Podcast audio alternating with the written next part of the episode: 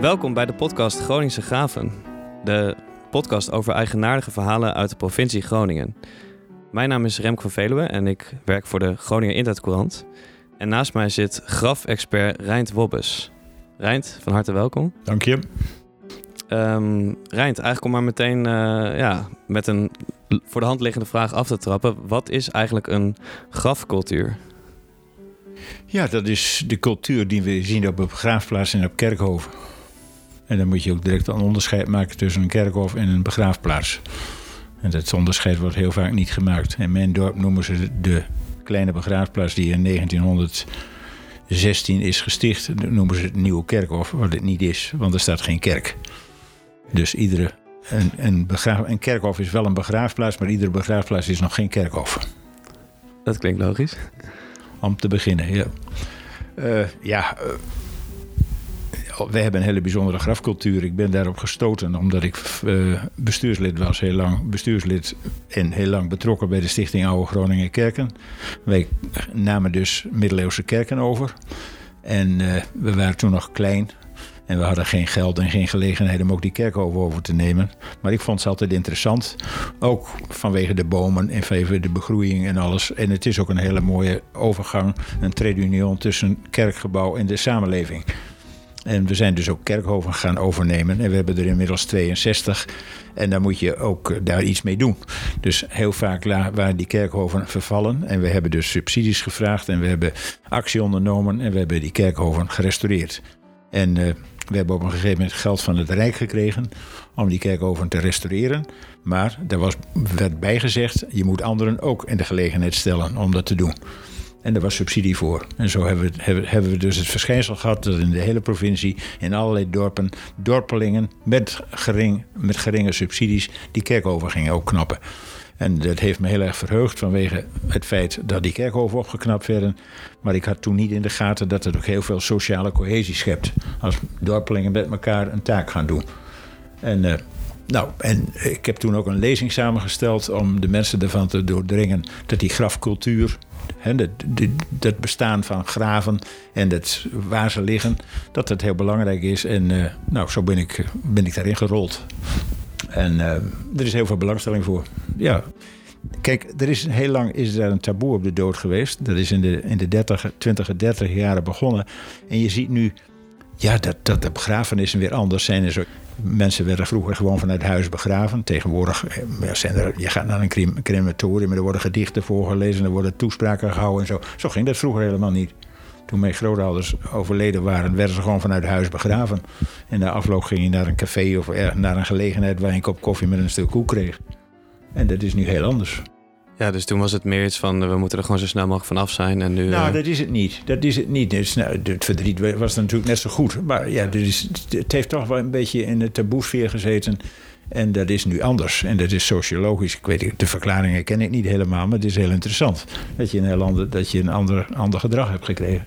En als je op de nieuwe stukken van begraafplaatsen komt, dan zie je ook allerlei dingen die je vroeger absoluut niet zag. Beertjes en knuffels en, en, en lichtjes en zo. Dat zag je vroeger niet. Dus op zich is het heel interessant waarom, waarom dat zo is. Ja, zeker. Ik, ik uh, we gaan daar nog genoeg verhalen over horen, volgens mij. Uh, en uh, dat taboe, dat is ook de reden geweest dat die begraafplaatsen en kerkhoven zo in verval raakten? Ja.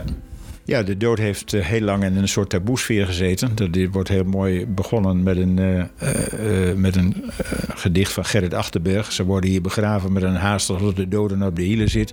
En dan vertelt hij later hoe het in zijn dorp kwam. Want hij ging vanuit een dorp naar de stad. En hij ziet dat de mores, de, de gewoonten aan het veranderen waren. En hij ziet dus in de stad dat, ja, dat, dat, dat, dat die taboesfeer kwam. En nou, dat heeft ook gemaakt dat jarenlang die kerkhoven, nou ja, die werden amper onderhouden. Je, je vervallen graf, uh, grafmonumenten en dergelijke. En uh, nou, we hebben daar dus op een gegeven moment, uh, omdat we die kerkhoven overnamen, hebben we ingegrepen. En je ziet dus dat het de uitstraling heeft gehad naar allerlei dorpen. Ja. Um... Ook historische verenigingen daarin geïnteresseerd. Want er ligt natuurlijk ontzettend veel geschiedenis. Ehm, ik begreep ook van je dat de grafcultuur in Groningen sowieso heel bijzonder is. Ja, we hebben een bijzondere grafcultuur. Dat komt omdat Groningen in de 19e eeuw een hele progressieve provincie was. Een Groninger, Rembertus Westerhof uit Warfum, die kwam in 1848 in de Tweede Kamer en die heeft vanaf het begin gezegd: er moet regeling komen in zaken dood en begraven. En hij hoorde bij die bovenlaag van de bevolking. En dat heeft ook gemaakt dat in de hele provincie dat hele kleine dorpen zelfs dat die allemaal begraafplaatsen kregen, gelegen buiten het dorp. En het heeft ook gemaakt dus dat rond de kerk, waar die hele oude stenen liggen, dat die min of meer met rust werden gelaten. Dus we hebben heel oud, veel oud materiaal. Historisch heel interessant. Nou, dat is één, dat is één ding. Komt nog bij dat in de 19e eeuw de bovenlaag van de bevolking vaak lid waren van het nut en van rederijkerskamers en van leesgezelschappen. En die wilden na hun dood ook laten zien dat ze niet van de straat waren. Dus we hebben heel veel symboliek en we hebben heel veel grafrijmen. En die zijn heel erg interessant. Nu ben ik natuurlijk uh, razend benieuwd of je voorbeeld hebt van, van zo'n grafrijm. Uh, ja, nou, weet o wandelaar die hier gaat dat al het aardse ras vergaat, maar dat hij die Jezus minder het helder en verworven vindt. Dat is een hele vrome. Maar ook, ik kocht veel koeien bij de boeren om die naar Holland te vervoeren, maar nu ben ik van alles af en lig ik op mijn rug in het graf. Of afgemaakt door hoge jaren, uitgeteerd door ziekte en pijn, moest ik in de grafkuil dalen en een prooi der wormen zijn. Nou, al dit soort dingen kom je tegen en dat zegt iets over de mensen. Ja, ik vind, het mooi dat je deze zo uh, uit je mouw schudt. Uh, uh. Ja, een, als ik iets lees, dan onthoud ik dat heel snel.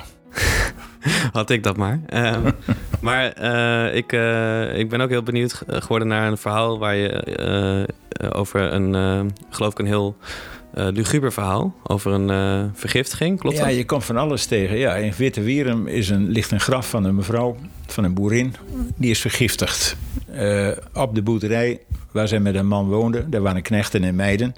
En ook familieleden. En één meisje, de, de dienstmeid, die kreeg omgang met een jongen... waarvan de boer en de boerin zeiden, nou dat moet eigenlijk niet. Vergeet niet, het was nog een beetje een patriarchale samenleving...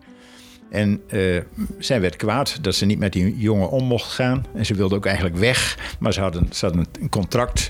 Dat kon ook niet verbroken worden. En toen heeft ze wraak genomen en heeft ze de familie vergiftigd met rattenvergif. Dat deed ze in de krentjebrei.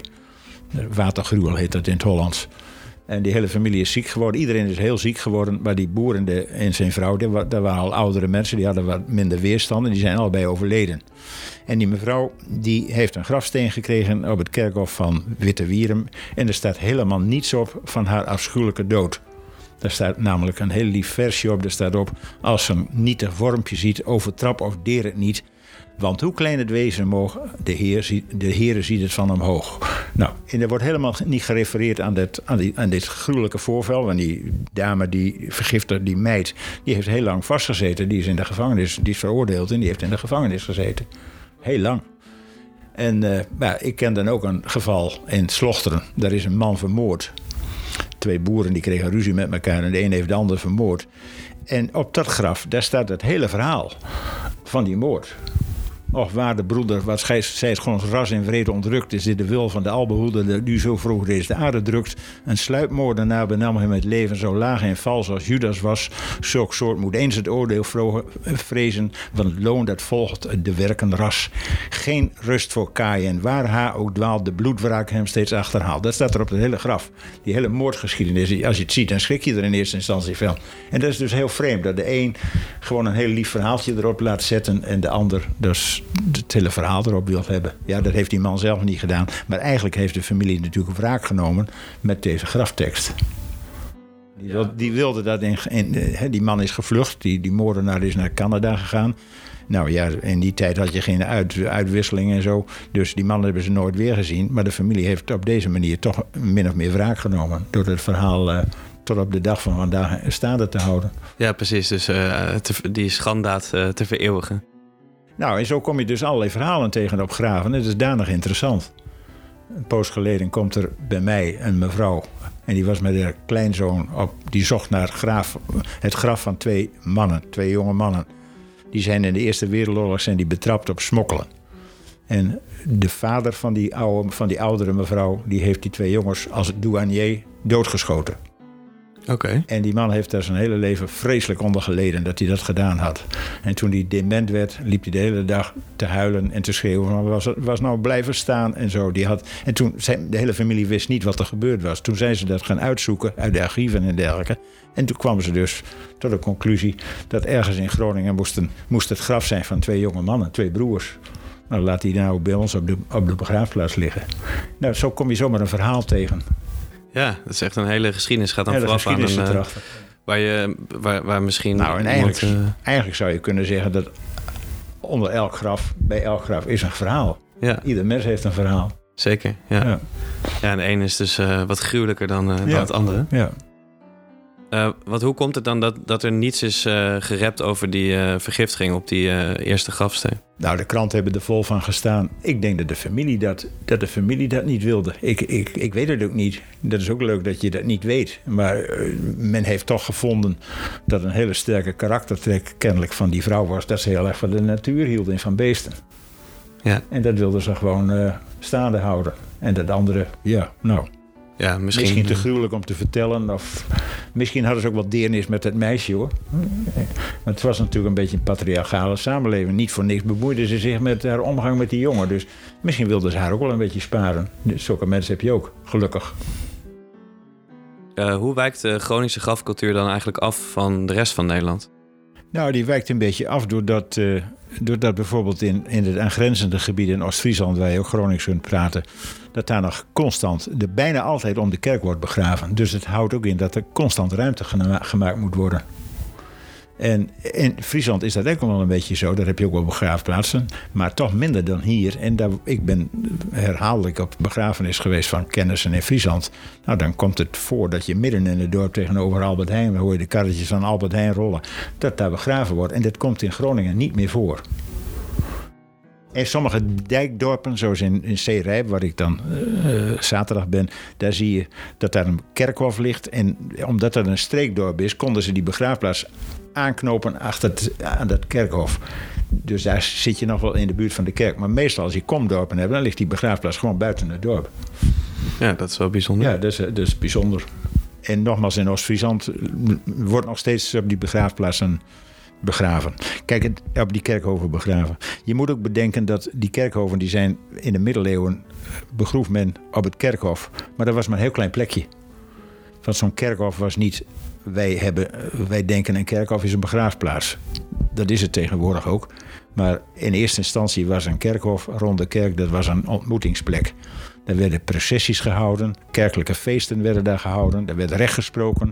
Soms had je daar de jaarmarkten en een kleine plek op zo'n kerkhof die was bestemd om doden te begraven. En als het plekje vol was, dan begonnen ze van voren af aan weer te ruimen.